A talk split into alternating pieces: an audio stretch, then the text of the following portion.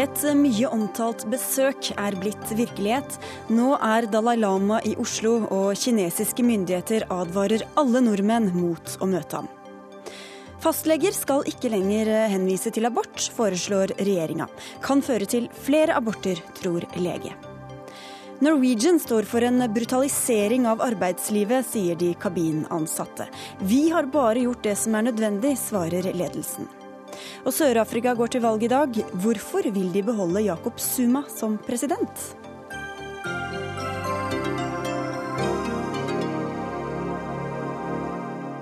spør dagens Dagsnytt 18 i NRK P2 og NRK2. Og vi får også besøk av vinnerne av den store journalistprisen. Jeg heter Sigrid Solund. I dag kunne Tibets åndelige leder Dalai Lama ta imot folkets hyllest fra flere tusen frammøtte utenfor Grand Hotell i Oslo. Dalai Lama har et tett program her de kommende dagene og skal i mange møter, men ikke med regjeringa og ikke med stortingspresidenten. Og statssekretær i Utenriksdepartementet Bård Glad Pedersen, hvordan tror du regjeringas nei til å møte Dalai Lama har påvirket den folkelige engasjementet rundt besøket hans? Jeg har stor forståelse for at det er et eh, folkelig engasjement eh, rundt det. Vi har jo vært eh, åpne om at dette er en vanskelig sak, som også inneholder dilemma. Men jeg har konkludert på bakgrunn med at vi ikke har hatt politisk dialog med Kina på nesten fire år, at den beste måten å fremme norske interesser, den beste måten også å kunne ta opp menneskerettighetsspørsmål. Den beste måten å kunne komme i inngrep med Kina på, på spørsmål som er viktige for Norge, er å eh, ikke møte Dalai Lama nå. Du begynner å bli vant til å si det her etter hvert? Ja, det er klart at Vi skjønner at det er diskusjon rundt disse temaene. Det syns jeg ikke er vanskelig å forstå men, i det hele tatt. Men tror du det folkelige engasjementet og de mange frammøtte, at det, tolker du det som en støtte eller en protest til den linja dere har latt dere på? Jeg tolker det som et engasjement for at Dalai Lama er i, i Norge. Eh, regjeringa må jo eh, vurdere dette med utgangspunkt i den situasjonen som Norge er i, og vurdere hvordan kan vi best ivareta de verdiene som vi står for, og de interessene som vi er opptatt av. Vi skal snakke litt mer om det, men først skal vi til deg, Anders Magnus. Du er NRKs korrespondent i Kina. Og I dag har du vært med på en pressekonferanse i hovedstaden Beijing. Hva sa kinesiske myndigheter om dagens besøk her i Oslo? De gjentok jo eh, de eh, meningene de har om Dalai Lama, at han splitter Kina. og Tidligere så har de også sagt at han er en separatist. Så Det er jo eh, kjente toner. Det som var nytt i dag, var at de advarte ikke bare regjeringsrepresentanter, men alle offisielle norske representanter, altså inkludert stortingsrepresentanter, mot å møte Dalai Lama, og også mot å hjelpe han med å tilby han et møtelokale eller noen annen form for assistanse. Og det, eh, dette budskapet sendte de også videre til hele det norske folk. Men hva sier de om hva som kan skje med disse menneskene som mottar og møter Dalai Lama, da? Det kan jo ikke skje noe med nordmenn, heldigvis. Så, så er ikke kinesernes fangarmer så men, lange. Men, eh, men, Norge, men det da? som kan skje, er jo at uh, forholdet til Norge blir jo ikke så veldig mye bedre når de kinesiske myndighetene ser at selv om regjeringen ikke vil møte Dalai Lama, så er det mange andre som vil det. Og da vil de Eh, nok tolke det som at eh, regjeringen ikke har gjort jobben sin med å overbevise eh, ikke bare sine egne medlemmer i regjeringen, men det hele det norske folk om at det er ugunstig å møte Dalai Lama. De forventer, som pressetalskvinnen sa, at jeg tror nok det norske folk vil forstå og respektere vårt standpunkt, og også si seg enig i det. Så når de da nå ikke sier seg enig i det, så er nok det noe kinesiske myndigheter vil legge ansvaret for på norske myndigheter. Slik er det jo her i Kina, og sånn forventer de at det skal være i Norge òg. Men sa de noe om at regjeringas medlemmer ikke ønsket å møte ham da? Det har de snakket om tidligere. Jeg har jo spurt om det på en tidligere pressekonferanse. og Da har de sagt at det er et skritt i riktig retning, men ikke nok. Mm. Så uh, det er helt tydelig at kineserne forventer at den norske regjeringen gjør mer. og Da har vi jo hørt et interessant signal fra, fra statsminister Erna Solberg til dette kravet som kineserne har stilt om at framtidige eventuelle nobelprisvinnere fra Kina som er dissidenter, de skal ikke gratuleres og anerkjennes av den norske regjeringen. Og nå har jo Solberg sagt at eh, det er ikke en selvfølge at alle eh, nobelprisvinnere vil bli gratulert av den norske regjeringen. Vi får komme tilbake til det med Bård Glad Pedersen. Hva syns du om disse signalene fra Kina? da, At dere har møtt dem litt på vei, men ikke gjort nok? Ja, det er jo regjeringa som fører utenrikspolitikk politikk på vegne av eh, Norge. Det er vi som bestemmer hva Norge mener. og Vi står fast på norske posisjoner når det gjelder menneskerettigheter, også når det gjelder Kina inkludert for eh, den tibetanske eh, befolkninga. Dette er ikke et spørsmål for oss om hva Norge mener, men om hvordan vi best fremmer det som er norske synspunkter. Og Da har vi konkludert med at det beste måten å fremme det standpunktet på, er ikke å møte alle lama. Men Hva syns du om at de advarer alle mot å møte ham, da, også stortingsrepresentanter? Nei, jeg hører at det blir sagt, men regjeringa tar en beslutning for seg, og det er regjeringa som fører utenrikspolitikk på vegne av Norge. Og Vi ser jo at Norge er jo ikke alene om å vurdere dette på denne måten. Dalai Lama var i Latvia eh, i går. Myndighetene der møtte han ikke. Han skal til Tyskland, de gjør det ikke. Storbritannia har tatt lignende beslutning. Danmark har tatt lignende beslutning. Tsjekkia har gjort det. Så trenden er den samme mange steder. Ikke fordi at Angela Merkel, David Cameron og andre ikke står opp for eh, menneskerettigheter, men fordi at de mener at den beste måten å fremme sitt syn på, er ikke gjennom å møte Dalai Lama. Men hvordan er det å høre at kinesiske myndigheter mener at dere har liksom kommet dem i møte og hørt litt på dem? Nei, altså vi, eh, vi, vet jo at det å møte Dalai Lama oppfattes som særlig provoserende. Nettopp av den grunnen som, som Magnus nå sa, at det oppfattes som i hvert fall en indirekte støtte til en splittelse av, eh, av Kina. Norsk politikk har vært at Tibet er en del av Kina. Men, det har ulike norske regjeringer men de oppfatter ment, altså, de, de, mener altså at dere er kommet dem litt i møte. Hvordan er det å høre det? Nei, altså, det, det er positivt hvis de oppfatter det sånn, men dette er et langsiktig tillitsskapende eh, arbeid som eh, skal til. Kina har avgjørende betydning i alle internasjonale spørsmål, også som har stor betydning for eh, Norge. Vi er det eneste sammenlignbare landet som har null politisk kontakt med dem. Det er uheldig for Norge. Norge, og Derfor har vi signalisert at vi ønsker et normalt forhold til Kina. Stortingsrepresentant for Arbeiderpartiet Marianne Aasen, du er altså en av dem som blir advart mot å møte Dalai Lama, men skal gjøre det likevel. Hva syns du om den advarselen? Nei, det er en advarsel som ikke jeg føler at jeg kan bry meg noe om. Eh, altså, Sånn fungerer ikke Norge, og sånn fungerer ikke demokratiet. Jeg har valgt inn på Stortinget på vegne av velgere og de som har stemt på meg og mitt parti i Akershus. Og jeg forholder meg til det. Og vi på Stortinget vi må møte, kunne møte hvem vi vil, når vi vil, og i hvilket møterom vi vil. Uh, og at det skal være et problem at vi tilrettelegger for et møte, det stiller jeg meg uforstående til. Og det gjelder uh, enten det er Dalai Lama eller andre politikere i konflikter verden rundt. Stortingsrepresentanter står fritt på en uh, helt spesiell måte i vårt demokrati.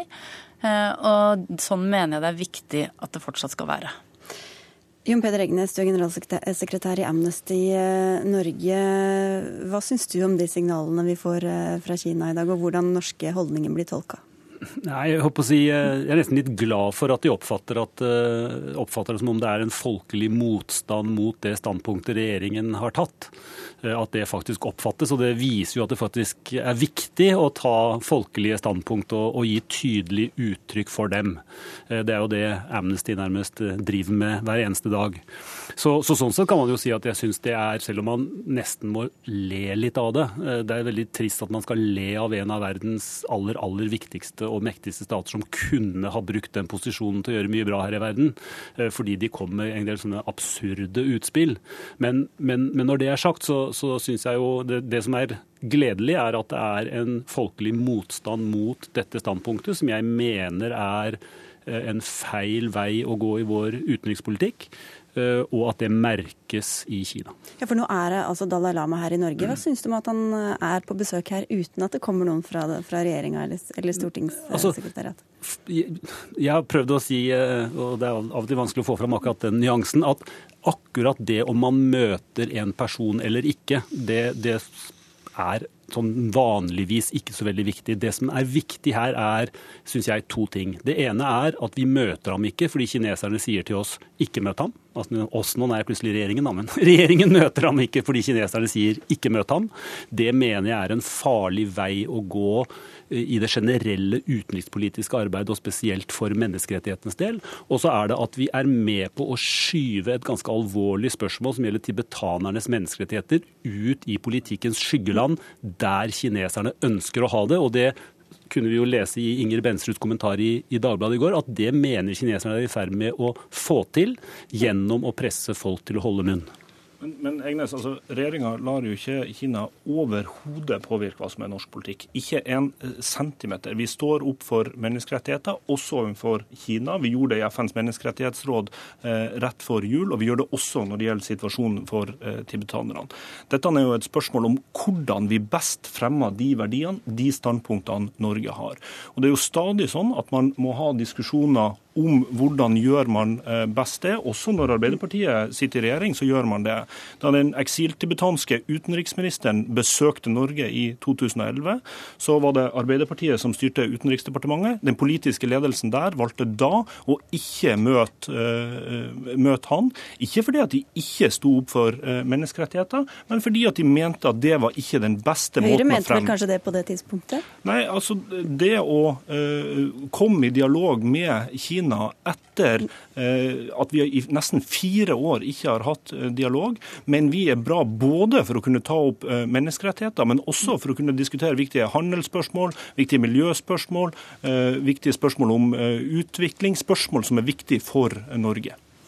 Ja, og det er dilemmaer knytta til denne saken. Det innrømmer jeg. Det... For dere har heller ikke villet si ja eller nei i ledelsen i Arbeiderpartiet om dere ville ha møtt Dalai Lama eller ikke? jo, vi gjør det som vi pleier å gjøre i Stortinget. Dette er ikke et offisielt besøk. Det er et besøk fra fra, med, med, Dalai Lama, som er en åndelig leder av Tibet. Eh, og han blir tatt imot sånn som vi pleier å gjøre i Stortinget. Sånn at det har kommet veldig skjevt ut fra starten av, fra måten dette blir håndtert fra presidentskapet. Det har jeg lyst til å si.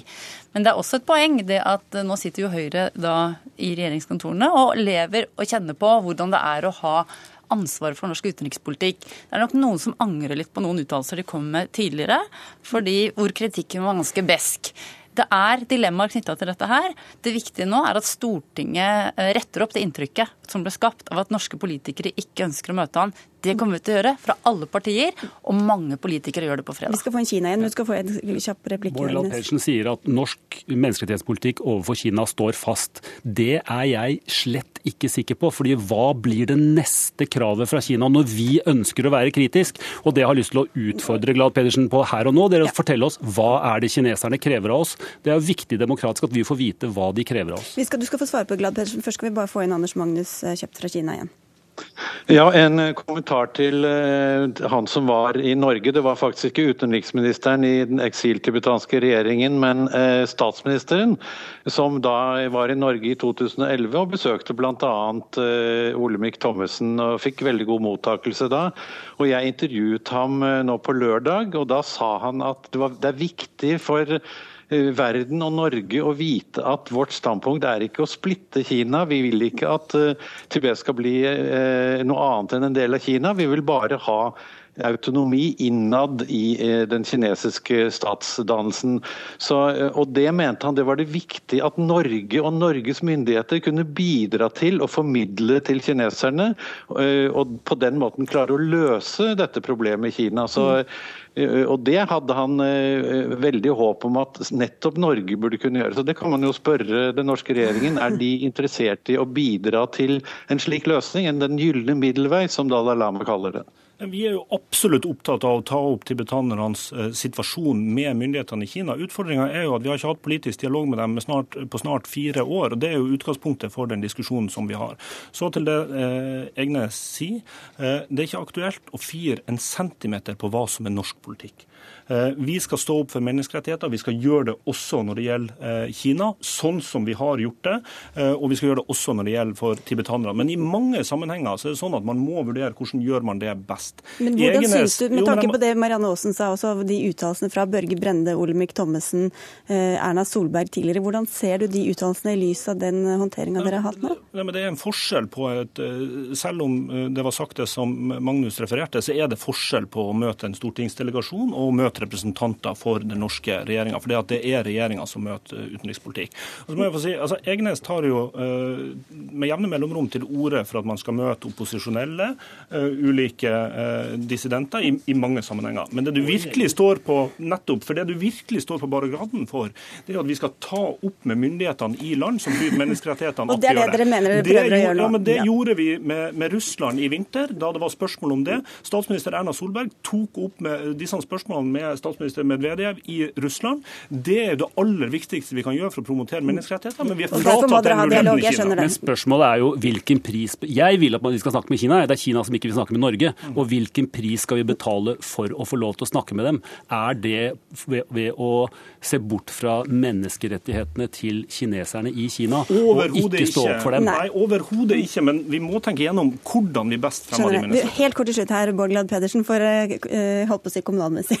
Statsminister Erna Solberg sa i dag at det går ikke noe automatikk i om hun skal gratulere, eller om regjeringa skal gratulere Nobels fredsprisvinnere. Hvilke kriterier skal ligge til grunn for når dere skal gratulere noen og ikke? For det første så sa hun jo veldig tydelig at det hadde overhodet ingenting med den diskusjonen med Dalai Lama å gjøre. Overhodet ingenting altså, hvilke kriterier skal ligge til grunn da? Eh, poenget er jo at Nobelkomiteen er uavhengig av ja, hvilke kriterier skal ligge til grunn? Det, når hun blir spurt vil du gratulere uansett, så kan ikke hun si nå at ja, helt uavhengig av hva en uavhengig komité kan komme til å gjøre, så vil jeg gratulere. Det vil jo også ta verdien helt ut av en, av en gratulasjon. hvis det på Men skal politikk og taktikk legge til grunn, f.eks.? Nei, det vil jo være en vurdering av når prisen tildeles. Så må man uh, konkludere på hvordan skal den norske regjeringa uh, kommentere en sånn uh, tildeling, fordi at Nobelkomiteen er uavhengig. Vi får følge spent med. Tusen takk skal dere ha for at dere kom til Dagsnytt 18, Marianne Aasen, Bård Glad Pedersen og Jon Peder Egnes, og også til Anders Magnus.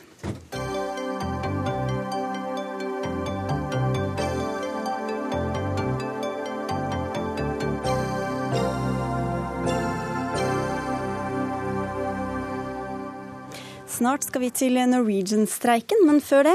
Samtidig som mediene sendte Dalai Lamas norgesbesøk minutt for minutt, presenterte regjeringa løsningen på reservasjonssaken.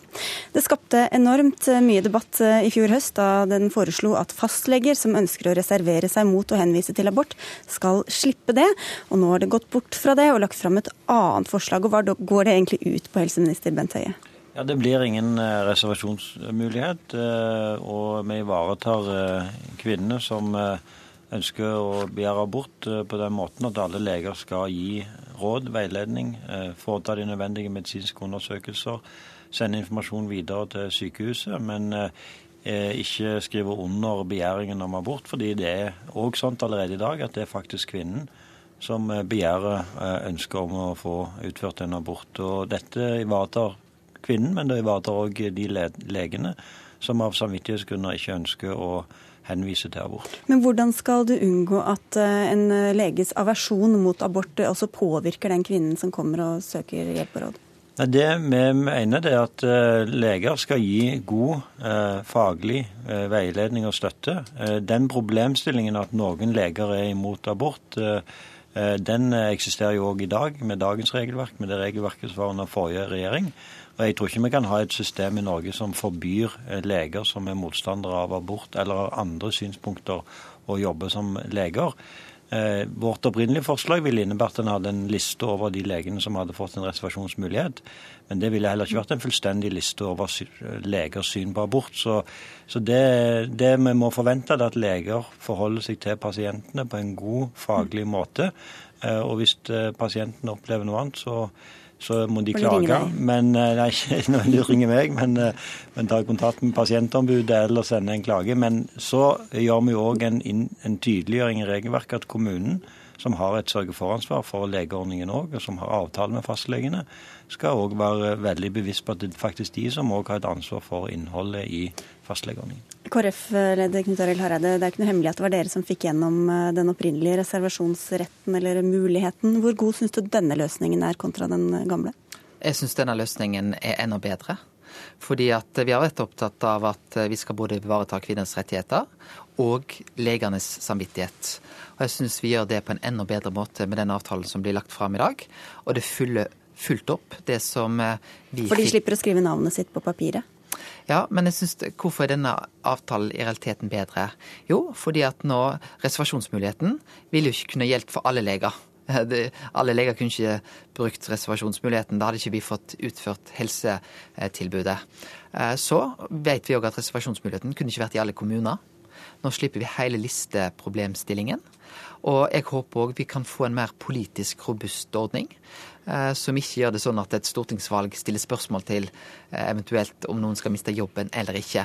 Men så tar jo programlederen opp noe når hun sier at eh, legers aversjon mot abort. Og jeg vil si det er to fallgrøfter. Fastleger de er nødt til å være profesjonelle, gi den kunnskap og informasjon som de sitter med, og veilede på profesjonelt basis. Så den ene fallgruppen er hvis du bruker, viser din aversjon mot abort mot eh, pasienten. Eh, det andre fallgrøfta er jo hvis du eh, tar det som en selvfølge og gir det uttrykket at kvinner skal ta abort. Begge deler er ikke i tråd med det å være god fastlege. Og det er to fallgrøfter, mm. men jeg opplever at fastleger de er profesjonelle og gjør dette på en god måte. Vi skal snart få inn en fastlege, men vi skal høre med deg først, Karin Andersen, stortingsrepresentant for SV. Hva syns du om det forslaget som nå ligger på bordet? Nei, Vi er jo selvfølgelig veldig glad nå. Eh, kvinnene vant. Altså, det var et stort engasjement fra oss som politikere, men først og fremst fra kvinner, som så at dette var en veldig dårlig ordning. Og jeg er veldig glad for at regjeringa nå og KrF har blitt enige om en veldig mye bedre ordning. Så dette er noe men, du kunne levd med i regjering? Ja, men det som, det som er eh, problemet eh, fremdeles, og som gjenstår, og som jeg er litt redd for har blitt forsterka gjennom denne debatten, er at når man diskuterte reservasjonsrett, så hørtes det ut som om man legitimerte de legene som valgte å møte kvinnene på en negativ og fordømmende moralsk måte. Og de, på en måte, Nå skal de slippe å skrive navnet sitt, og de må være, liksom bare utføre dette. Men det er jo da det er utrolig viktig at vi eh, sørger for et ordentlig tilsyn, sånn at de gjør den jobben. For det er vanskelig å, å, møte en lege i en kritisk situasjon. Og det var vel kanskje noe av det vi var mest kritiske til, var den liksom, legitimeringen av mm. at noen, noen, oppførte seg sånn overfor kvinner som kom og søkte abort, som jo var en rettighet de hadde. Og den må vi rydde helt av veien, fordi det er ikke akseptabelt at noen skal bli møtt på en slik måte. Du skal få svare, Høy, men vi skal først få inn en eh, lege fra Sunnmøre her. Therese Utgaard, hva synes du om det forslaget fra regjeringa nå? Nei, jeg er ikke så veldig glad for nye nye her. Jeg kan ikke egentlig helt skjønne hva som skal være så nytt med det heller. Fordi Det som var problemet, i hvert fall for min del, og det som jeg tror var det reelle problemet for de abortsøkende kvinnene i møte med reservasjonslegene, det var jo ikke en underskrift på papir. Det var jo heller ikke et skjema eller en underskrift som jeg kjempa for, iallfall. Eller som jeg tror alle kvinner og menn gikk i 8. mars-tog for. Det som var problemet, var at enkelte leger tok seg friheter utover lova, utover sin stilling som fastlege eller som lege, og oppførte seg på en uprofesjonell måte, og at det gikk utover kvinnene. Og i den nye ordninga nå, så, så, så, er det ikke så mye nytt for eh, reservasjonslegene. Altså, de får fortsatt sitte på sitt kontor og gi kvinner den informasjonen som de syns er nødvendig, og etterpå så skriver de ikke under. Og Det eneste som blir nytt for reservasjonslegene, er at det de gjør ikke lenger er ulovlig, men nå lovlig ifølge Høie sitt nye forslag. Får Høie få svare på det?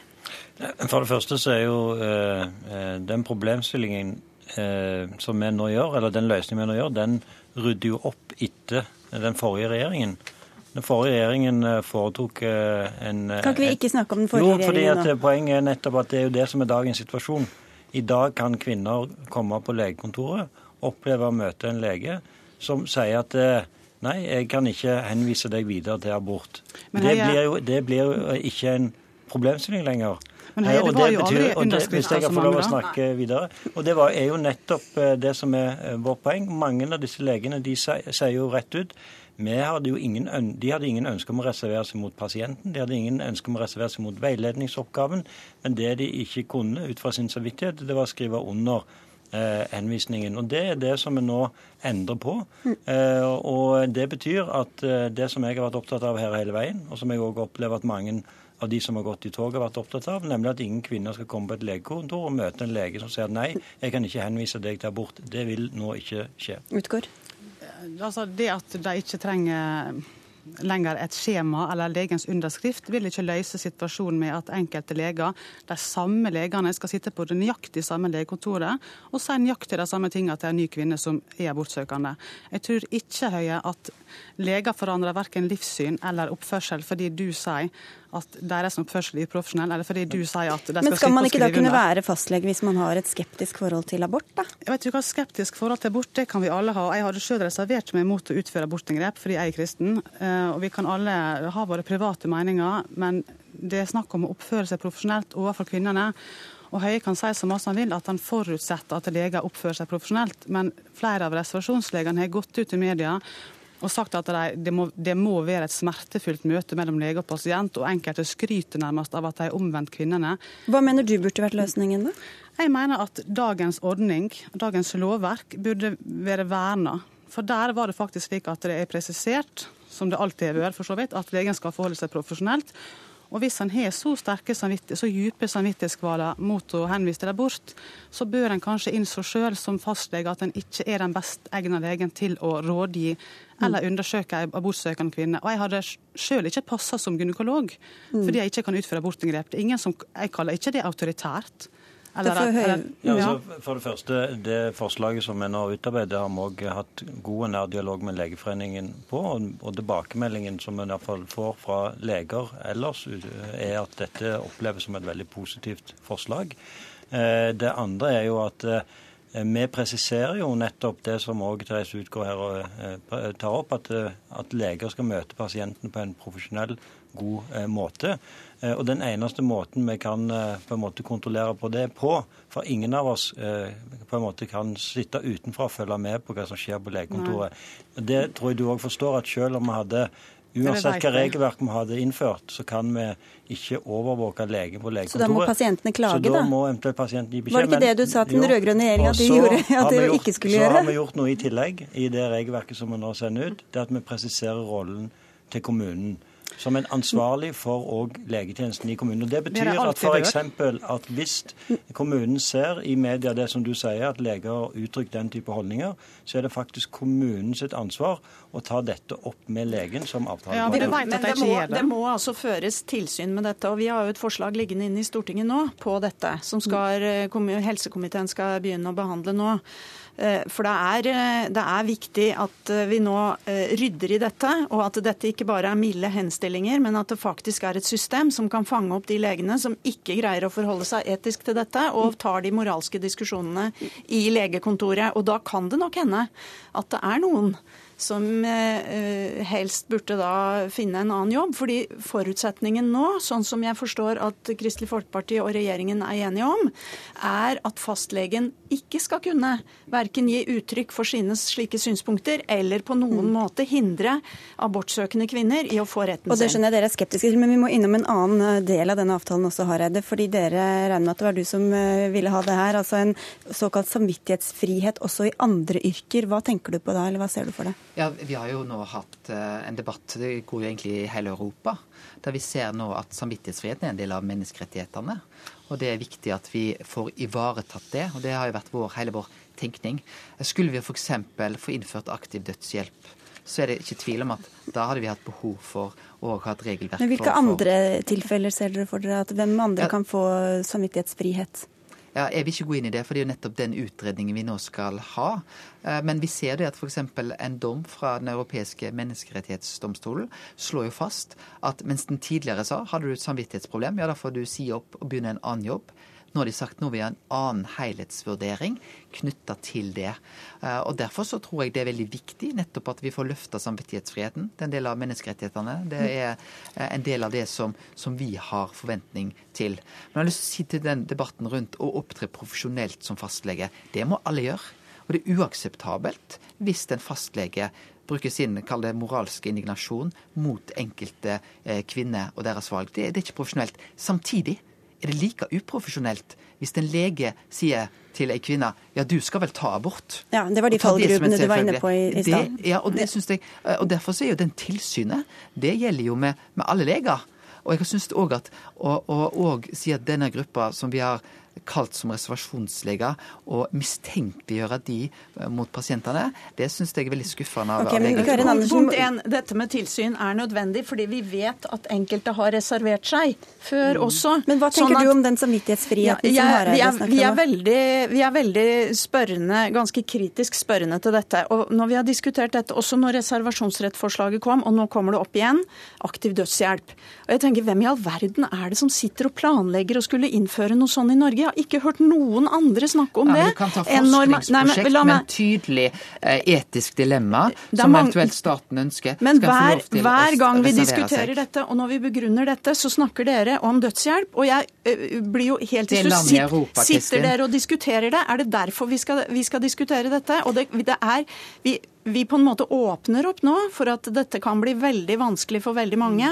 Sånn at jeg er skeptisk. Det er klart dere setter ned hvilket utvalg dere vil, og de utreder det, men, men jeg syns at dette høres uh, ut som kan ende opp med veldig mange ulike rare reservasjoner. For, er, for å si sånn, samvittighet handler om svært mange ting, og det går an å ha samvittighet i veldig mange retninger, og ikke bare i sånn KrF. Vi skal skippe inn kort ja. Therese Utgård på slutten før Bent Høie skal få en ja.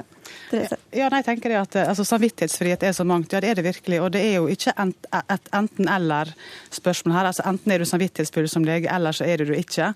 Enkelte vil jo ikke nekte abortsøkende kvinner abort av samvittighetsgrunner, fordi de mener det er viktig å respektere kvinners valg og kvinners autonomi. Eh, og, og så er det slik at det, jeg, mener at Hvis han først åpner for en samvittighetsfrihet for f.eks. fastleger nå, så er jeg sikker på at det vil kunne brukes til å begrunne reservasjoner mot p-piller, mot spiral, mot assistert befruktning og til morfin og signe etterpå. Da skal vi få slippe inn Bent Høie helt på slutten. Og derfor blir det heller ikke innført noen reservasjonsmulighet for fastleger nå, så det er den gamle debatten. Men det vi òg gjør nå, det er at vi er tydelige på at kommunene får en sentral rolle. Det blir ikke mulig å reservere seg selv om man felleslister. Og så kan jeg berolige SV med at de òg har fått gjennomslag for sitt syn om tilsyn. Vi har anmoda Helsetilsynet om å ha et tilsyn på dette i 2016. Da har du snudd på det nå. For når vi presenterte det, så syntes du det Du sa det hadde vært et lærerikt halvår, Bent Høie, på pressekonferansen. Hva har du lært da?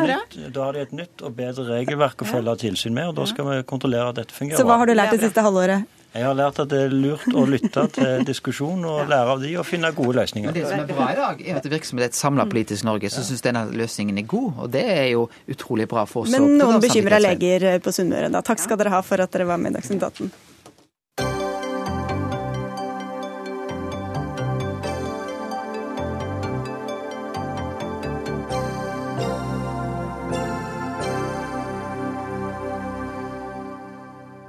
Norwegians første arbeidskonflikt er et faktum etter at meklinga mellom flyselskapet og de kabinansatte endte i brudd i natt. Ifølge Riksmekleren sto partene svært langt fra hverandre. Fra i morges ble én kabinansatt tatt ut i streik, men det hindrer ikke at flyene går som normalt, i hvert fall i første omgang. Og Hans Erik Skjeggerud, leder i Parat som organiserer de kabinansatte, hva var det som førte til dette bruddet? Eh, vi hadde jo fremsatt eh, fem krav, eh, hvorav det viktigste var å få videreført den felles tariffavtalen for de norske og danske kabinansatte med det som er reell arbeidsgiver, altså NAS. Også i framtida, sånn som vi har hatt de siste fire årene. Mm. Det var det selskapet ikke kunne møte oss på, som er det formelle bruddet, årsaken. Når det er sagt, så har vi hatt en klimasituasjon mellom de ansatte og selskapet i lengre tid som har vært vanskelig og som toppa seg i går kveld to timer før meglingsslutt med den eh, SMS-en. Ja, for der advarte ledelsen i Norwegian mot hva som kunne være følgende av et brudd? Ja, Vi oppfatta det selvfølgelig knytta veldig til tidspunktet det kommer på, som en trussel. Eh, og som, eh, med en håp om effekt at det skulle føre til et press på de som satt og forhandla på vegne av medlemmene. For å begynne der, kommunikasjonsdirektør i Norwegian, Anne Sissel Skånevik. Hvorfor sendte dere ut denne tekstmeldinga? Ja, den ble sendt ut fra våre forhandlere fordi det gikk opp for, eh, for, man, for en at uh, den dialogen som har vært med, med Kabinforeningen, og da uh, også Parat, ikke hadde medført at de hadde informert sine medlemmer så det er jeg helt enig i at det er jo ikke en heldig måte å, å informere på.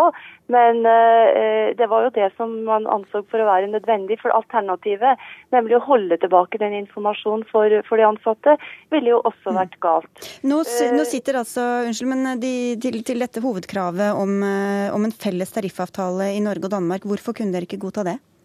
Ja, jeg vil gjerne starte litt med starten her. fordi Det som skjedde, var jo at parat de varsla plassoppsigelse uten at det hadde vært ført forhandlinger i forkant. Og de stilte altså to ultimatum. Det ene var at selskapet skulle gå tilbake til en ITSS-pensjon fra den innskuddspensjonen som man ble overført til i i, for halvannet år siden. Og det gjelder jo ikke bare de kabinansatte, det gjelder hele selskapet. Både de som jobber på kontor og de som jobber på bakken og ledelsen og, og alle sammen. Unntaket var pilotene, for de hadde en tariffesta rett. Det var det ene. Det andre var at de krevde å forhandle med morselskapet. Og her har jo da selskapet gjort en en virksomhetsoverdragelse. Man har eh, lagt eh, operativ drift i, under eh, morselskapet. Sånn at de har jo ingen medlemmer i morselskapet å forhandle for. Og man har altså to kabinselskaper, ett i Danmark og ett i, i Norge. Og da må man ha Da kan ikke NHO og YS være forhandlingsparter utenfor Norge. Det er akkurat det samme som om man kommer inn fra Danmark og krever å være forhandlingsparter i Norge. Men de må gjerne støtte seg på Parat, og de må gjerne ha eh, ganske likelydende avtaler, men det må altså to forskjellige tariffavtaler til her. Og Skjeggerud, Hvor stor avstand er det mellom dere nå, da? Hvordan ser du på veien videre? Vi har nettopp eh, hatt et brudd som har ført til en eh, streik. Eh, det er vanlig da at man står langt ifra hverandre. Men ingenting er uoverkommelig i denne saken heller, det er jeg helt sikker på. Og Skånevik vet det at vi har ikke lagt oss borti eh, selskapets rett til å organisere seg så som de sjøl vil. Vi mener likevel at det ikke er til hinder for å kunne ha en felles tariffavtale også i framtida. Mm. Så jeg er selvfølgelig inne på mange ting her som man kunne ha kommentert, eh, og som det finnes eh, nyanser på forklaringer på. Mm. Espen Andersen, du er førsteamanuensis ved Handelshøyskolen BI, ekspert på flyselskaper og på konkurranse. Hvordan vurderer du Norwegians konflikt med, med de ansatte akkurat nå? Jeg forsøker å se den i litt lengre perspektiv. Det som skjer nå, er at Norwegian er ja, kanskje allerede i større grad et europeisk selskap enn et norsk selskap. Og ta mål av seg til å også bli et uh, globalt selskap på tid. Og, det som skjer da, at da importerer vi på mange måter arbeidsbetingelser og til dels også lønnsbetingelser fra utlandet. Uh, og uh, ja, så havner vi da i en situasjon da, hvor vi, vi her i Norge lever som et land i en boble. Eh, vi er forskånet for eh, veldig mye av det som Hvor tøft det faktisk er der ute eh, andre steder.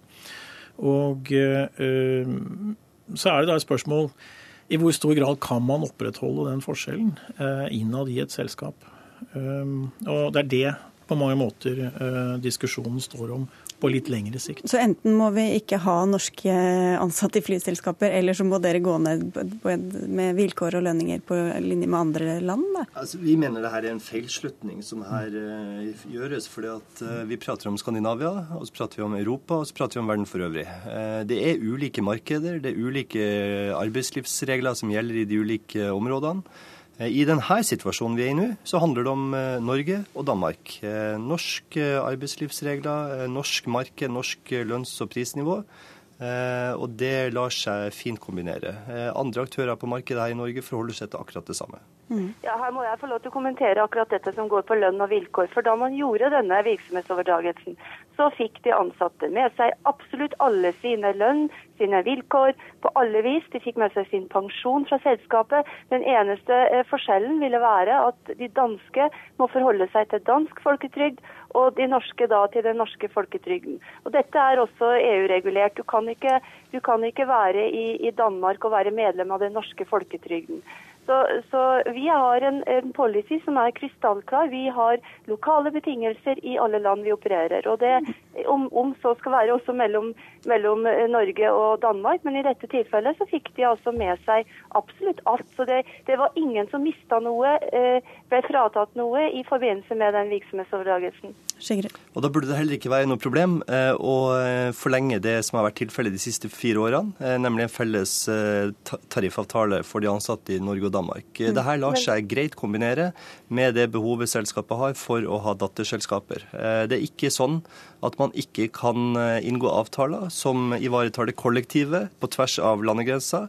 Og så kan man regulere det som går på individuelle eh, forhold, som er avhengig av de ulike landene, på en annen måte.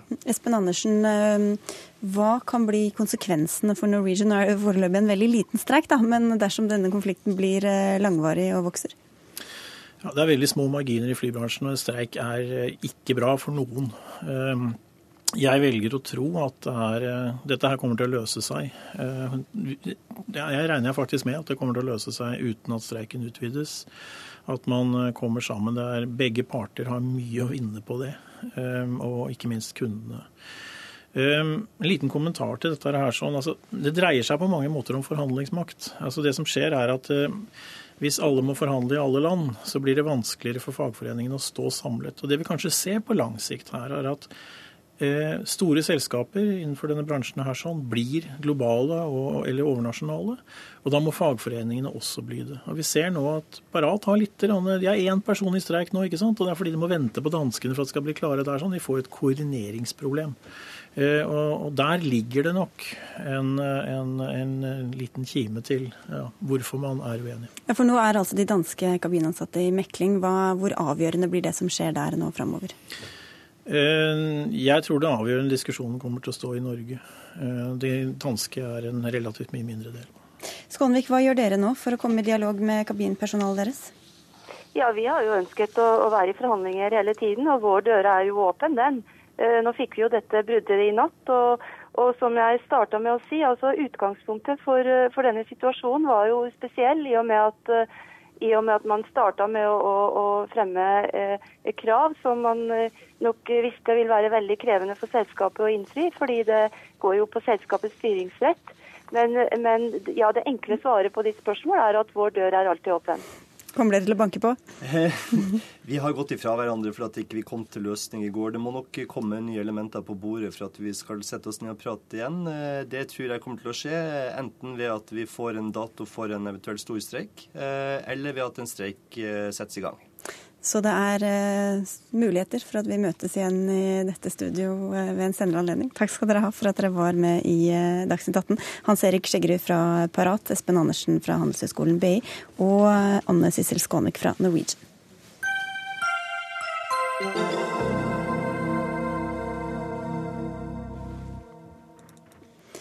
Journalister får ofte mye kjeft, men to i standen er hedret i dag etter å ha vunnet den store journalistprisen. De ble med oss snart her i Dagsnytt 18. Og alle som ser på NRK2 må straks skru over på P2 for å følge sendinga videre. I dag går sørafrikanerne til valgurnene, og etter alt å dømme går et stort flertall inn for at Jacob Zuma fortsetter som president, til tross for at han er omstridt, bl.a. pga. tidligere anklager om voldtekt og korrupsjon. Likevel viser meningsmålingene at folket fortsatt vil ha ham ved roret, eller hva, Sverre Tom du er påtroppende Afrika-korrespondent? Jo da, det stemmer det. Han får en stor oppslutning på samtlige meningsmålinger. Tipper rundt 60% noen mener helt opp til 65 mens andre er litt nede på 50-tallet. Men en uh, ganske klok mann jeg snakket med i dag, som pleier å ha mye rett når det gjelder uh, sørafrikansk politikk, sier at dette kan slå helt annerledes ut. Fordi hvis man truer ANCs leder, ja, så vil man hegne om han som bare det, og folk vil gå til valgurnene og stemme han fram. Hmm. Du har også vært, du er i Sør-Afrika, har vært i et valglokale i dag. og Hva sa folk du snakket med der? Ja, og det var ikke hvilket som helst valglokale. Det var eh, nabohuset, så å si, til Desmond Tutu og, og Nelson Mandela. Det var den skolen der ungdommen eh, gikk ut på gatene for å protestere i 1976. Da Hector Eh, døde så tragisk, ble skutt ned av eh, politiet, Petersen. Og dermed så fikk hele opprøret en internasjonal uh, dimensjon i forbindelse med at folk virkelig fikk øynene opp. Så det var et veldig spesielt valglokale jeg var i. Winnie Mandela var der, uh, i sort, som en sørgende eks-president-enke. Uh, stemningen var god. Folk stemte ANC alle sammen, for dette er et typisk ANC-område midt i, i Soweto. Men det er jo folk som er svært fortvilet over det som skjer i Sør-Afrika når det gjelder økende arbeidsledighet, økende forskjeller. Det er verdenstoppen når det gjelder forskjell på folk. Og ikke minst at vold øker, og aksepten for at vold skal være legitimt i en politisk kamp, den øker også ifølge statistikken. Og det er dårlig nytt. Sigrun Jonstad, du er seniorrådgiver i Fellesrådet for Afrika. og Hvor mye handler oppslutningen om ANC om at kanskje alternativet synes verre? Eh, det er jo ikke til å forundres over at folk føler en sterk lojalitet mot et parti som har klart å få til den forvandlingen som de fikk i Sør-Afrika. At man klarte å vinne kampen mot apartheid, og attpåtil med fredelige midler. Det skal noe til før man tør å satse på et annet alternativ. Eh, foreløpig har det jo vært sånn at eh, alternativene framstår som uoversiktlige. Nå er det spennende å se. Det er sterkere og sterkere tendenser til at vi ser en opposisjon. Uh, ingen tror at noen andre enn ANC vil vinne dette valget, men, men det spennende er jo at uh, hvis man sammenligner med situasjonen for fire år siden ved forrige valg, så har vi en mye mer livskraftig opposisjon som ser ut til å kunne gå den veien at man kan få et nytt parti til venstre mm. for ANC om ikke så altfor lenge. Og Da vil vi snakke om et alternativ, men det er jo ikke til dette valget. Ja, Hvem er det som utgjør den opposisjonen, Sverre Tom Radøy? Ja, Det er først og fremst uh, et uh, parti som kaller seg for Democratic Alliance, ledet av en, en hvit populær kvinne. Det er et hvitt mellomklasseparti som kommer til å bli landets nest største, slik det var ved forrige valg. Og det er de som mener at de tar arven fra 1994, håpet, visjonene, troen på at framtiden blir lysere, at de tar med Mandelas visjoner videre, og får ganske mye støtte akkurat på det av kommentatorer rundt omkring. Og så er det et rart parti som er kommet ut på uh, helt venstresiden, et populistisk uh, venstreradikalt parti, en utbrytergruppe fra ANC, som vil nasjonalisere alle gruvene. De vil nasjonalisere alle bankene, og det uten kompensasjon, for å gi folk 100% høyere lønn, de lavtlønte, og alle statsansatte skal få 50% høyere lønn. De går i uniformer, eh, kaller seg Commando in Chief, denne sjefen. Og jeg traff en eh, underoffiser, eller en offiser som kalte seg for general, general Napoleon. Så det er en gjeng som faktisk har en del oppslutning, får antagelig en 5 og kommer inn i parlamentet. Hvem er det disse får støtte fra, Jonstad? Um, altså Economic Freedom Fighters uh, de ledes av Julius Malema, som, som Sverre Tømmeradøy nevnte, som er en utbryter fra ANC. Uh, de møtes med veldig mye kritikk fordi at uh, også Malema har jo vært i, i søkelyset i forhold til korrupsjon.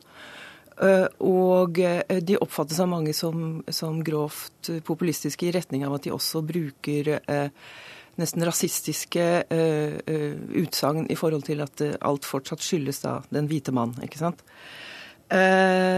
men det de bygger på, er jo en bred folkelig misnøye som finnes i folk flest. De aller fleste i Sør-Afrika lever i fattigdom, arbeidsledighet, slum. og misnøyen mot ANC, som jo har vært jevnt voksende, handler om at man er skuffet over at ANC, overgangen til et demokratisk styre, Eh, og til et flertallsstyre ikke førte til en velferdsutvikling som jo ANC hadde lovt i sine grunndokumenter at man skulle få til. Nå har det gått 20 år, og misnøyen, utålmodigheten, raseriet og skuffelsen er i ferd med å utvikle seg til eh, politisk handling, mer politisk organisering. Og det finnes andre eh, eh krefter også på opposisjonssiden. Det er sterke krefter i fagbevegelsen eh, slumboerbevegelsen gjør seg sterkt gjeldende. Eh, og eh, Hvem er det de støtter, da? Eh, det er Foreløpig er det en stor diskusjon blant organisasjoner på venstresiden av ANC. Noen eh, argumenterer for å boikotte valget i år. Eh, noen vil stemme på de andre småpartiene. Uh, og sånn som den, en, en slumboerbevegelse som er veldig aktiv og har gjort seg veldig politisk markert, de har nærmest på trass sagt at de denne gangen vil støtte Democratic Alliance. Ikke fordi at de egentlig støtter dette konservative opposisjonspartiet, men fordi at de mener at det er den beste måten å ramme ANC på. Så sterk er bitterheten der mot ANC. Men Sverre Tom Radøy, du nevnte Mandela tidligere. Hvordan brukes han nå i denne valgkampen? Og han brukes hele tiden, og av nesten samtlige partier. Eh, det er plakater av han overalt, eh, og da særlig med Zuma på, eh, president Zuma på, første, forsiden, og så Mandela på den andre siden. Så han er veldig, veldig til stede i folks bevissthet. Jeg er veldig klar over at dette er det første valget etter Mandelas død. Og hvis jeg får tid, så har jeg lyst til å ta inn et annet poeng, nemlig det er 20 år siden det første demokratiske valget. Og det betyr at det nå er velgere som aldri har opplevd apartheid på kroppen for første gang. Første gang skjer dette her, og det var stor spenning knyttet til hva de ville stemme. Men så viser det seg altså at mellom eh, en tredjedel og en fjerdedel bare har registrert seg som velgere, og bare de kan jo stemme. Så det var veldig skuffende for, for eh, mange politikere, observatører og akadem, folk fra akademia. dette. Mm. Og Hva sier det om tilliten til politikere og til politiske løsninger, tror du, i Sør-Afrika, Sigrid Gunstad? Ja, det er jo selvfølgelig vanskelig å tolke, men vi vet at det er veldig få av de yngste førstegangsvelgerne som har registrert seg. Og en tolkning kan være at man ser på ANC som litt forrige generasjonsparti, og at et nytt alternativ ikke har kommet som, som man kan identifisere seg med i det Sør-Afrika som etter hvert Altså, 1994 er jo for noen ganske fjernt. Mm. Du får eh, følge med, Sverre Tom, og rapportere inn eh, når eh, resultatene kommer. Takk skal du ha for at du var med i Dagsnytt 18 fra den andre siden i dag. Og takk også til deg, Sigrun Jonstad, fra seniorrådgiver i Fellesrådet for Afrika. Takk skal du ha.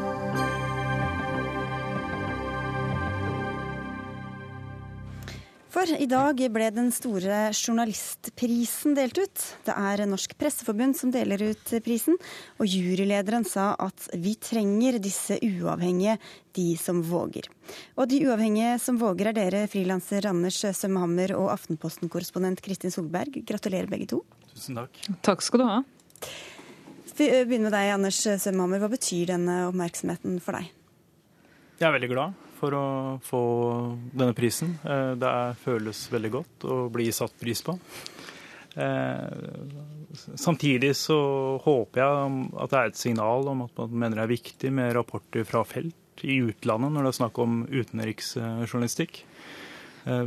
Konfliktrapportering, som Kristin og jeg holder på med, er under sterkt press. Det er truet fordi det er mye nedskjæringer i medieorganisasjonene.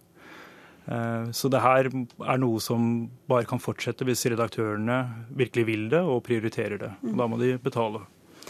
Ja, vi kan komme tilbake til deg. Kristin Solberg, du er korrespondent for Aftenposten. Altså. Det begynner vel å bli fullt på din kanskje ikke-eksisterende peishylle etter hvert. Hvordan mottar du denne prisen? Jeg må si jeg, eh, jeg, føler meg eh, utrolig glad og, og beæret og ydmyk over denne prisen. Eh, veldig, veldig glad for den. Men jeg, som Anders sier, så er jeg også veldig glad for at den, den, setter fokus på viktigheten av å ha journalister ute i felt. Det gjelder for all utenriksrapportering. Hvis jeg hadde vært redaktør, så hadde jeg hatt en utenrikskorrespondent i, hvert, i hver region ute i verden. Og det er veldig viktig å ha til tilstedeværelse ute over tid, og spesielt eh, i konfliktområder der det er mye propaganda, mye feilinformasjon, eh, og der vi har et ansvar for å fortelle om konsekvensene av krigen, hvordan det fortoner seg på bakken. Vi har, en, vi har et ansvar om å informere norske lesere og seere om det. Du er jo korrespondent eh, nå i Aftenposten, selv om du ikke er fast ansatt, og du har jobba frilans i mange år. Hvordan ser du på det at frilansere kanskje tør å gjøre andre ting enn det fast ansatte journalister vil eller får lov til? Jeg vet ikke om de tør og vil gjøre mye mer, men jeg tror nok også at uh, frilansere blir nødt til å gjøre mer. Vi ser på bruken av frilansere i Syriakrigen f.eks. Der har eh, fast ansatte journalister ikke fått lov til å gå inn. Og så har frilansere, eh, ofte unge, uerfarne frilansere som dekker krig for første gang, sett at her er det en mulighet å gjøre seg en karriere. Og så har de gått dratt inn på veldig, veldig risikofylte oppdrag, eh, nesten helt uten oppbacking fra store medieorganisasjoner. Eh, og det har nesten eh, vært en grov utnyttelse av, av deres ambisjoner og villighet til å jobbe. Og det har, vært, det har, ført, til, altså det har ført til mye kutting av hjørner når det kommer til å redusere risiko. Og det er, det er en stor fare for, for, for, de journalistene. Så der har ikke mediene tatt sitt ansvar på en ordentlig måte. Nå har vi ikke noen redaktører her, men Anders Sømhammer, Hammer, hva, hva mener du er frilansernes rolle i dagens mediebilde? hadde fast ansatte journalister gjort den jobben som Kristin og jeg gjør, så hadde vi vært overflødige. Eh, og sånn er det. Veldig mye av det som rapporteres fra konflikter, gjøres av eh, frilansere. Eh, jeg syns det er en viktig diskusjon internt i mediebransjen om det er sånn det bør være. Jeg mener man bør, både bør ha frilansere og fast ansatte ute. Men vi ser at det blir færre og færre fast ansatte som sendes ut. De sendes ut for kortere perioder, veldig ofte på rykkeoppdrag. Altså at man drar ut for to-tre dager, og så er det tilbake igjen til hjemmeredaksjonen. Mm. Eh, mens frilansere ofte er lengre ute og kan bygge nettverk og kan reise rundt og rapportere på andre måter. Eh, så jeg jeg trives med jobben som frilanser og er glad for å få muligheten til det. Eh, det er jo også et marked for det fordi andre ikke gjør den jobben. Mm, og Dere dekker jo begge veldig farlige områder. Du er i Syria nå, eller ikke akkurat nå, Kristin Solberg, for nå sitter vi på Minde i Bergen. Men eh, du dekker konflikten der, og vi vet at mange journalister blir drept hvert år. Du fortalte om hvordan mange frilansere har det der. Hvordan er det å leve med den faren og den frykten som du sikkert må kjenne på? Ja, Nå snakket jeg mest om frilansere globalt, eh, ikke så mye av min situasjon. Jeg har jo Aftenposten godt i ryggen, så det var mest, eh, mest eh, for mye engelskspråklige medier jeg snakket om. Men du, du lever jo like ved fullt i en farlig situasjon. Ja, når jeg er der inne, så gjør jeg det. Nå bor jeg jo i Kairo. Der er det litt eh, mindre fare. Um, men jeg bodde også lang tid i, i Kabul, og det er, stor, det er, en stor, påkjenning, selvfølgelig. Fordi man går rundt og engster seg, og man vet at jobben man gjør er, ganske, er nokså farlig. Og også når man ikke er på jobb, så er det også ganske farlig. Um, men, men, men, likevel så er det viktig at vi er der, og det, det med at vi er der over tid også, da lærer vi oss oss måter å jobbe på som reduserer risikoen. Altså Vi kjenner forholdene og vet hvor vi kan gå, hvor vi ikke kan gå, hvordan vi kan gå. Um, og Da kan vi gjøre både jobben vår på en bedre måte, og vi kan gjøre det på en måte som reduserer risikoen og ikke maksimerer den. Anders Dømmehammer, du jobber i Afghanistan, eh, hvor en nylig svensk kollega av deg også ble drept. Da var du også her i Dagsnytt 18. Hvordan er det å sitte i en krigssone og klikke seg inn på hjemlige nyheter med alt det innebærer? Nei, det, Jeg følger jo alltid med på nyhetene her hjemme i Norge når jeg er i Afghanistan. Så sant jeg har internettilknytning som tillater det. Eh, og det eh, Av og til kan det være litt komisk å se hva som blir slått stort opp her, når du føler selv at du sitter i veldig mye alvor. Eh, samtidig så vet jeg at det er sånn verden er. Du er vant til det, har vært journalist lenge og vet hvordan det fungerer. Sånn. Så vet, er, Noen ganger blir det absurd, men ofte så er det som forventet. Men Blir du lei av å rapportere fra en konflikt som ser ut til å ikke ha noen ende? Nei, men jeg mener akkurat det du påpeker der er problemet. At det kan være problemet at folk blir lei av å høre på meg. Eh, det er et problem med konflikter, også krigen i Afghanistan. En krig som har vart veldig lenge. Det blir ofte ganske repeterende det som får dekning i norske medier. Det er ofte store angrep. Eh, så man hører eh, om at mennesker har blitt drept. Nå var på en rundtur for en måned siden. Så var jeg i Faryab-provinsen der de norske soldatene tidligere var utplassert. Da var jeg 500 meter unna et selvmordsangrep der 19 mennesker ble drept. Det var ekstremt brutalt og helt vanvittig vanvittig uh, trist. Uh, og det er vanskelig å formidle det og skildre det hjem til Norge. Samtidig som jeg vet at jeg ville bare selv lest det som en liten notis på et par setninger hvis jeg hadde vært her hjemme. Mm. Hva er det mest hjerteskjærende du opplever, Kristin Solberg? Ja, Det er mye det, faktisk. At du, at du, beveger deg i så mye menneskelige lidelser. Og, og, og ikke bare det, men menneskeskapte eh, lidelser. Og så opplever du kanskje at de historiene At det ikke er så mye interesse for de historiene bestandig. Det er, eh, er veldig hjerteskjærende. Det merker jeg spesielt med Syriakrigen. Selv om det bare har pågått i tre år, så merker vi allerede en slags tretthet om denne krigen eh, blant leserne. Vi må straks avslutte, men få høre med dere begge. Frister det med en tilværelse 94 kontor og komme hjem til en trygg leilighet? Tror jeg både Kristin og jeg vil ha problemer med.